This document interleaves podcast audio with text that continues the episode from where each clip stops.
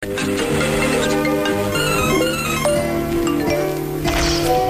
consultori digital.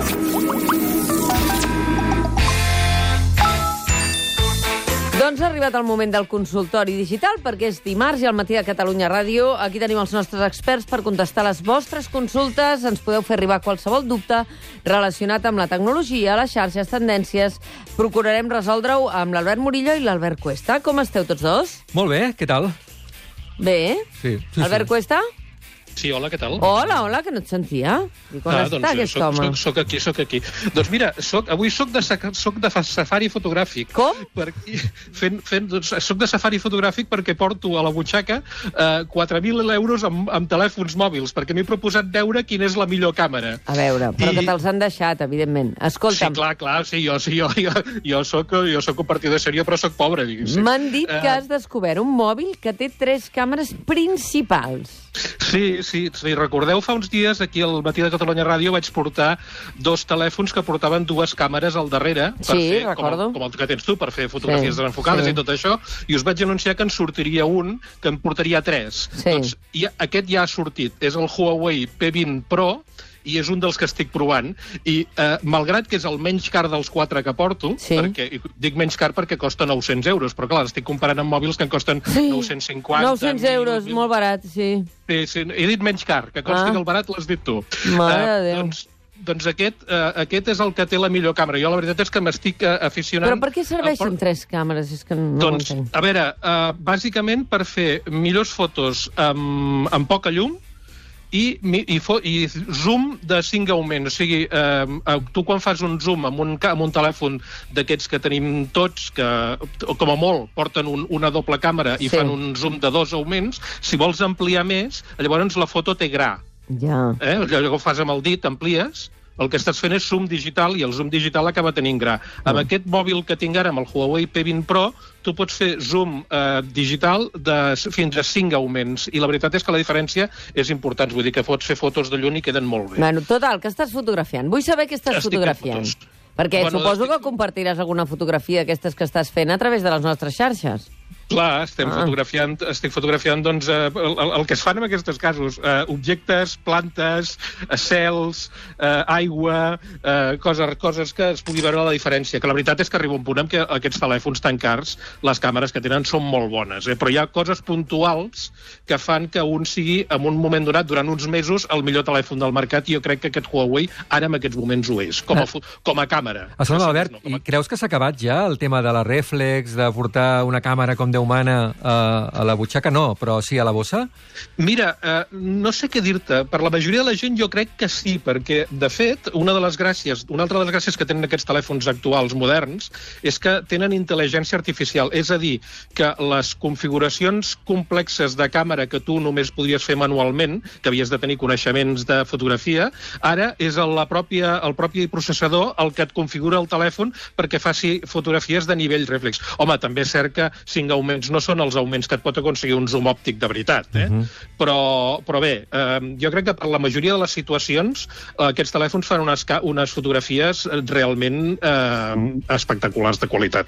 Escolta, eh, necessito que m'aclariu eh, la situació de Grindr. Heu estat al cas d'aquesta història, Albert i Albert Murillo? Sí, eh, bé, eh, la veritat és que a mi el que m'ha sorprès més és que Grindr, eh, aquesta aplicació, eh, Sí. doncs permetés que tu poguessis posar si, tens, si ets seropositiu o, o A no. veure, és una xarxa social que fa contactes entre, majoritàriament, els usuaris són persones homosexuals, no? Però eh, quan tu entres a Grindr, eh, has de dir si tens el VIH o no tens? De fet, jo, jo ho desconeixia, he estat mirant doncs, gent que, com, que comentava en el seu moment, perquè això ja fa temps que, que es comentava, um, doncs, que hi havia aquesta possibilitat i molts d'ells deien, escolta'm, el que pugui tenir jo eh, és un interès entre la gent, entre jo i la gent més propera o el metge, no amb una persona doncs, que, no, que no conec. I ara, a sobre, el que ha passat és que doncs, eh, aquestes dades eh, segurament o possiblement s'han eh, filtrat. Vull per...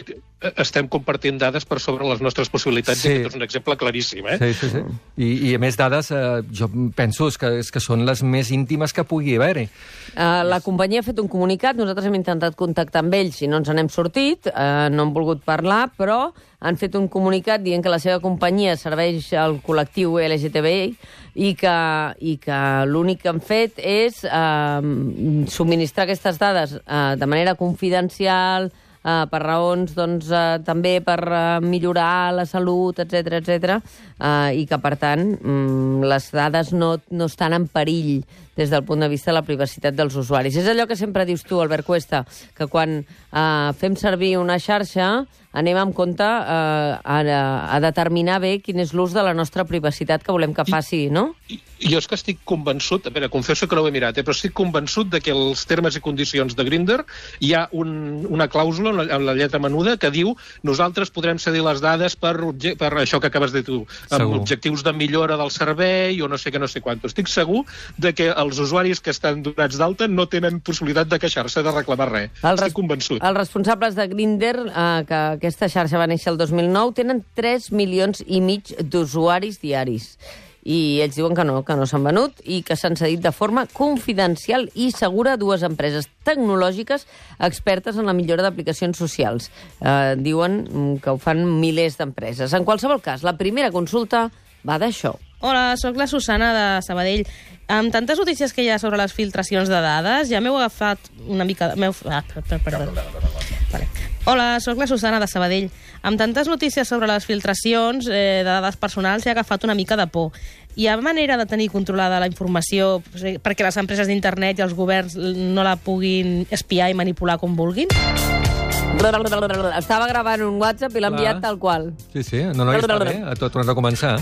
I ha tornat a començar i puntó. Ha, ha, ha estat molt professional aquest tornar a començar, eh? Sí, sí. És al·lucinant. Escolta, Albert Cuesta, què li Sí. dius?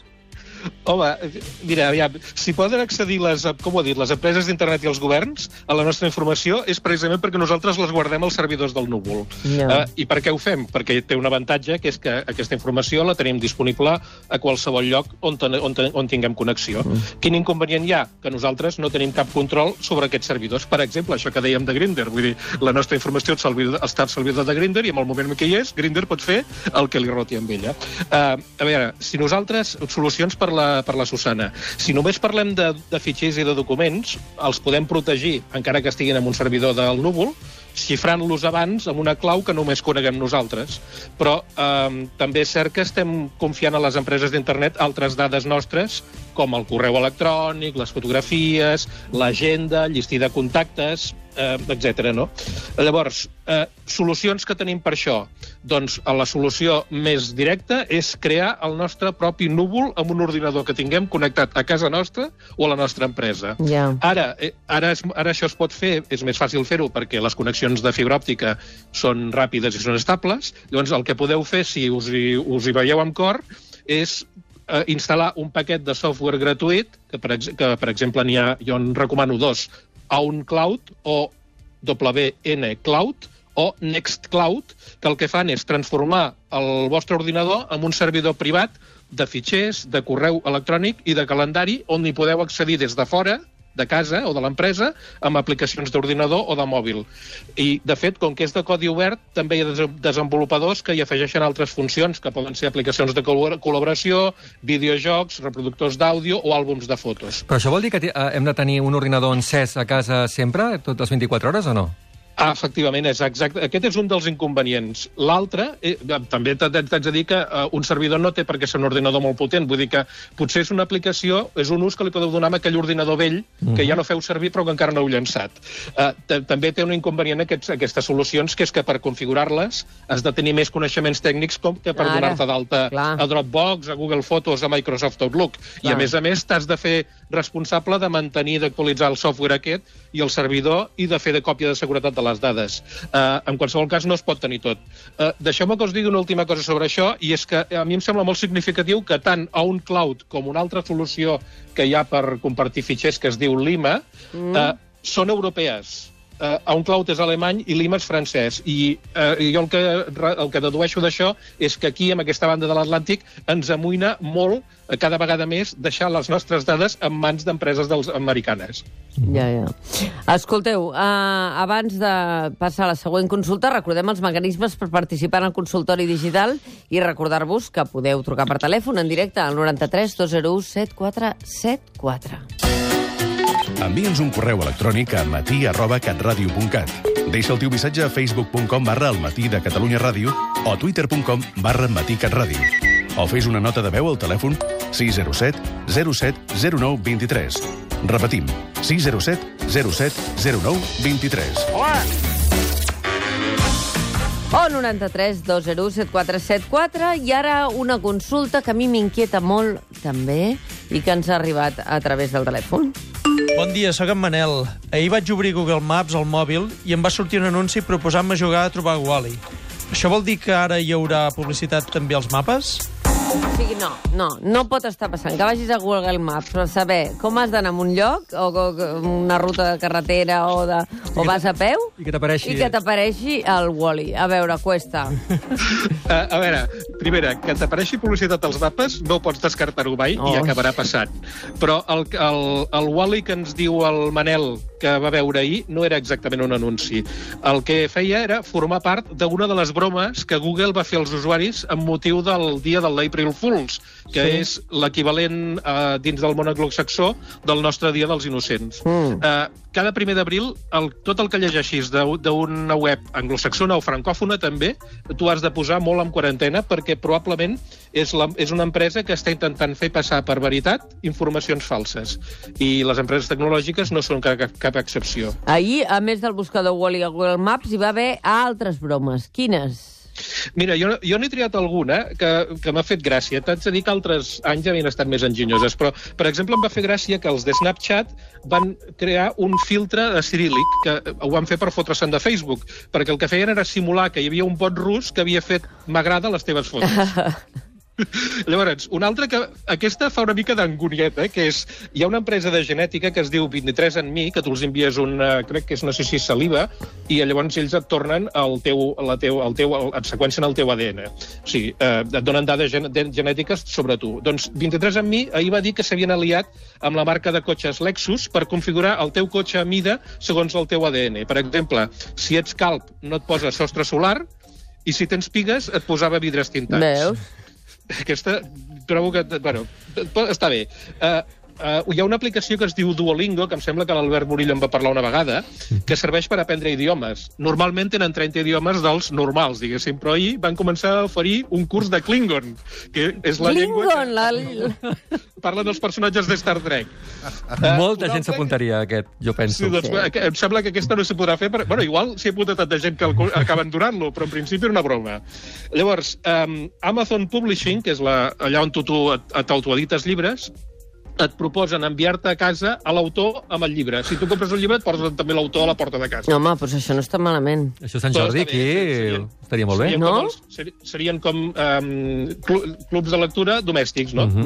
Mm. En fi, llavors, eh, el servei Roku de vídeos amb streaming, una mena de Netflix, eh, el que ha fet és dir que havia tret uns mitjons que servien per posar en pausa o avançar el vídeo que estaves veient només movent els dits dels peus. De fet, això eh, ahir era broma, però hi havia un tio, un hacker, que fa uns anys va inventar això per Netflix. I era de veritat. O sigui, va, eh, va construir uns mitjons amb sensors i tu Sí. podies fer-lo anar. Um, podies fer Netflix amb això. Um, Escolta, Albert, tenim Digues. una trucada d'un usuari de Grinder, que ens anirà molt bé per entendre una mica millor què està passant. Ostres, endavant. Carles, bon dia. Hola, bon dia, Mònica. Hola, bon dia, Carles. Escolta, tu ets usuari de Grinder, no? Sí, és per, només per puntualitzar, per, per, perquè ha quedat així com una mica de dubte. Sí. A veure, el tema de si ets seropositiu o no Sí. és, és algo que tu pots posar si vols, no és una condició... Si no t'obliguen a posar això, no? No, no, no, és un mes si tu vols donar la informació, a més pots posar quan vas al teu últim eh, examen eh, sobre aquest tema i de les enfermedats sexuals i de més. A més, aquí a Catalunya eh, estan treballant amb l'Agència Catalana de, de Salut perquè tu puguis fer controls i de més. Ja no entraré en el tema del, del, del tema de, de les dades que s'han traspassat a Sí. empreses i demés. Però almenys aquí a Catalunya sí que fan enquestes del tema de les relacions sexuals i sí que treballen amb l'Agència Catalana de la Salut, demanes cita prèvia totalment confidencial, et fas els teus exàmens i demés. És només això. O sigui, no Carles, però esteu cabrejats perquè s'han passat les dades o és igual? Bueno, dependrà de sempre dels fins. Evidentment, sí que tenim una protecció de dades que no tindrien que traspassar. Ells diuen que ha sigut per millorar aquests temes, però bueno, els, les temes són, el tema de dades són completament confidencials i jo Mm. crec que no es tindrien que traspassar si no, almenys al client, si no li demanes permís. Clar, clar. Perquè Però, mai se sap l'ús que poden fer tercers sobre aquestes dades. perquè quan vosaltres heu entrat a Grindr no heu tingut contactes ni us han preguntat res sobre això, ni us expliquen, ni l'aplicació mateixa us explica doncs, que estan investigant o passant les... No, no, no, us, no. no, no han fet de moment, no, no, els usuaris tampoc els han informat de que s'han traspassat aquestes dades ni res, cosa Mm. que no veig tampoc bé, perquè si tu traspasses unes dades, Més que res saber-ho, clar. clar, Mm. hem de- d'estar al tant per saber qui es paga i per quins motius. Sí, Llavors, sí. de moment l'aplicació no ha fet cap comentari, sé que ha tret un comunicat perquè l'heu comentat Sí. vosaltres, però nosaltres encara No us han dit res directament. No. Doncs també és sorprenent. Moltes gràcies, Carles. Que tinguis un bon dia. Gràcies a vostè. Gràcies bon per dia. trucar. Adéu. Pep, bon dia. Bon dia. Què feu per la Garriga? Molt bé, fa un dia molt maco. Fa un dia molt maco, molt bé. Quines consultes tens pels meus Alberts? Eh, Mira, jo us volia mm, eh, consultar, eh, i potser és un problema meu, no ho sé exactament, però el meu telèfon, quan jo faig una fotografia eh, que fa una mica de contrallum o que hi ha molta il·luminació a l'exterior, la, no veig, la imatge que vull fotografiar no la veig. La, la, la pantalla, eh, la meva pantalla no, no, no es veu degut a la, a, la, a la quantitat de llum que hi ha. Llavors jo pregunto, aquests nous telèfons que esteu, que, que esteu parlant ara, eh, porten eh, algun sistema que jo pugui veure la imatge de, de que fotografia amb, amb molta llum que em ve de, de, de l'exterior? També em trobo que quan vull veure la pantalla eh, d'alguna cosa que m'envien per telèfon i tal, m'haig de posar a dins un forat d'escala i tal que hi hagi ombra per poder veure la pantalla. És una mica el problema aquest. Jo, Doncs ara t'ho ara t'ho expliquen. Mira, jo... Que vagi bé, Pep. Gràcies. Uh, Gràcies, jo, jo el, que, el, que, el que he anat veient amb el temps és que uh, telèfons de mitja gamma, eh, no megacars, cada vegada es veuen millor amb el resol. Um, una miqueta millor. Però sí que és un problema que, uh, desgraciadament, penso que fa que els telèfons molt més cars es vegin molt millor a la pantalla. No sé si estàs d'acord, Albert. Sí, de fet, el problema que diu el nostre oient no té res a veure amb la fotografia, té a veure, té a veure amb la visibilitat de les pantalles a, a, la, a la llum de, amb la llum del dia, i, i és veritat que, que una de les diferències importants dels telèfons més cars és que les, les seves pantalles es veuen millor uh, això amb, amb, el, amb el sol, però clar, estem parlant de telèfons cars. Uh, tu, tu recordaràs, Albert, que hi havia un, un... També depèn del disseny de les aplicacions del mòbil, i tu recordaràs que els telèfons Windows, aquests que ara ja no n'hi ha, es veien francament bé uh, fins, uh, amb, amb el sol, uh, fins i tot uh, encara que no fossin gaire cars, i era precisament perquè tot el disseny de les icones i dels textos estava pensat perquè, doncs, perquè fos molt contrastat. I és una llàstima perquè això s'ha perdut. Mm -hmm. És veritat. Sí, sí, tenia aquesta sensació també. Doncs anem a una altra consulta, us sembla? Atenció amb aquesta consulta que afecta aquesta casa. Hola, buenos días. Eh, soy Isabel otra vez. Eh, mi hijo me comentó ayer que había oído por la emisora de Cataluña Radio del programa del Tot Gira que empezaban un campeonato. Eh, me gustaría saber qué necesita y cómo se tiene que apuntar y cuándo comienza. Jo vull conèixer la Isabel. Sí, no, la Isabel té un fill que no para. Jo eh? la vull conèixer. Sí, sí, realment. Perquè ens ha trucat, jo crec que de tots els consultoris digitals No, no. que han fet, a tots. Sí, a tots, a tots. I a més és que... I trobo que, que té un què que em fa bé de gust que vingui un dia. Sí, sí, doncs podem convidar-la tranquil·lament. Va. De fet, eh, el que necessita el teu fill és una Play i el videojoc eh, Pro Evolution Soccer. És curiós perquè el Tot Gira és la quarta edició del Play Gira, que és aquest campionat de futbol. Eh, les altres edicions ho fèiem al FIFA, ara ho fem al Pro Evolution, Evolution, sabem que ara el Pro Evolution, saps que el Barça hi està molt ficat. Sí, sí. Sí, sí, Què m'has d'explicar? Sí, sí, doncs uh, tota la informació la pot trobar a catradio.cat barra playgira. Uh, però, res, un petit resum.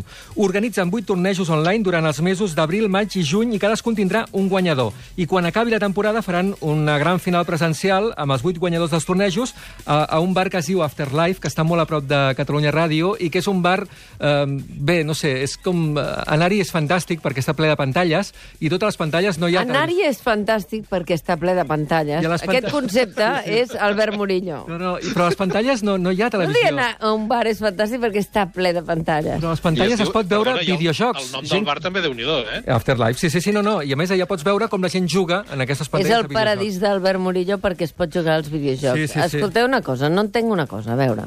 Uh, heu, ho heu dit bé, no?, que per fer, participar en, el, en el, la competició es necessita una Play. Sí, I et regalen una Play? sí, però el Play 4 Pro, Ah. uh, la potent, la que, sí, sí, la, que, la més cara, Sí, diguéssim. això generarà més gasto, diguéssim. Sí, bé, sí, sí, una miqueta més. Perquè llavors hauran de comprar els jocs de la Play 4 Pro, Sí, sí, sí. bla, bla, bla, bla, bla, bla. Però saps el que m'agrada més? Quan, quan s'arriba... Per... Està, està, està responent com una part implicada. No, et juro que a aquesta hora no estan sentint això, afortunadament. A mi el que m'agrada més és escoltar aquestes finals de narració de l'Ernest Macià i el Ricard Torquemada eh, fent com si fos un partit És de que veritat. saps què passa? Que És- quan jugues al, al, a la cosa aquesta, com es diu el Pro Evolution Soccer, Sí. que jo de tant en tant veig, um, veig com se juga, això, i la, les nostres transmis, en català, no sé per què no les tenen incorporades. Mhm.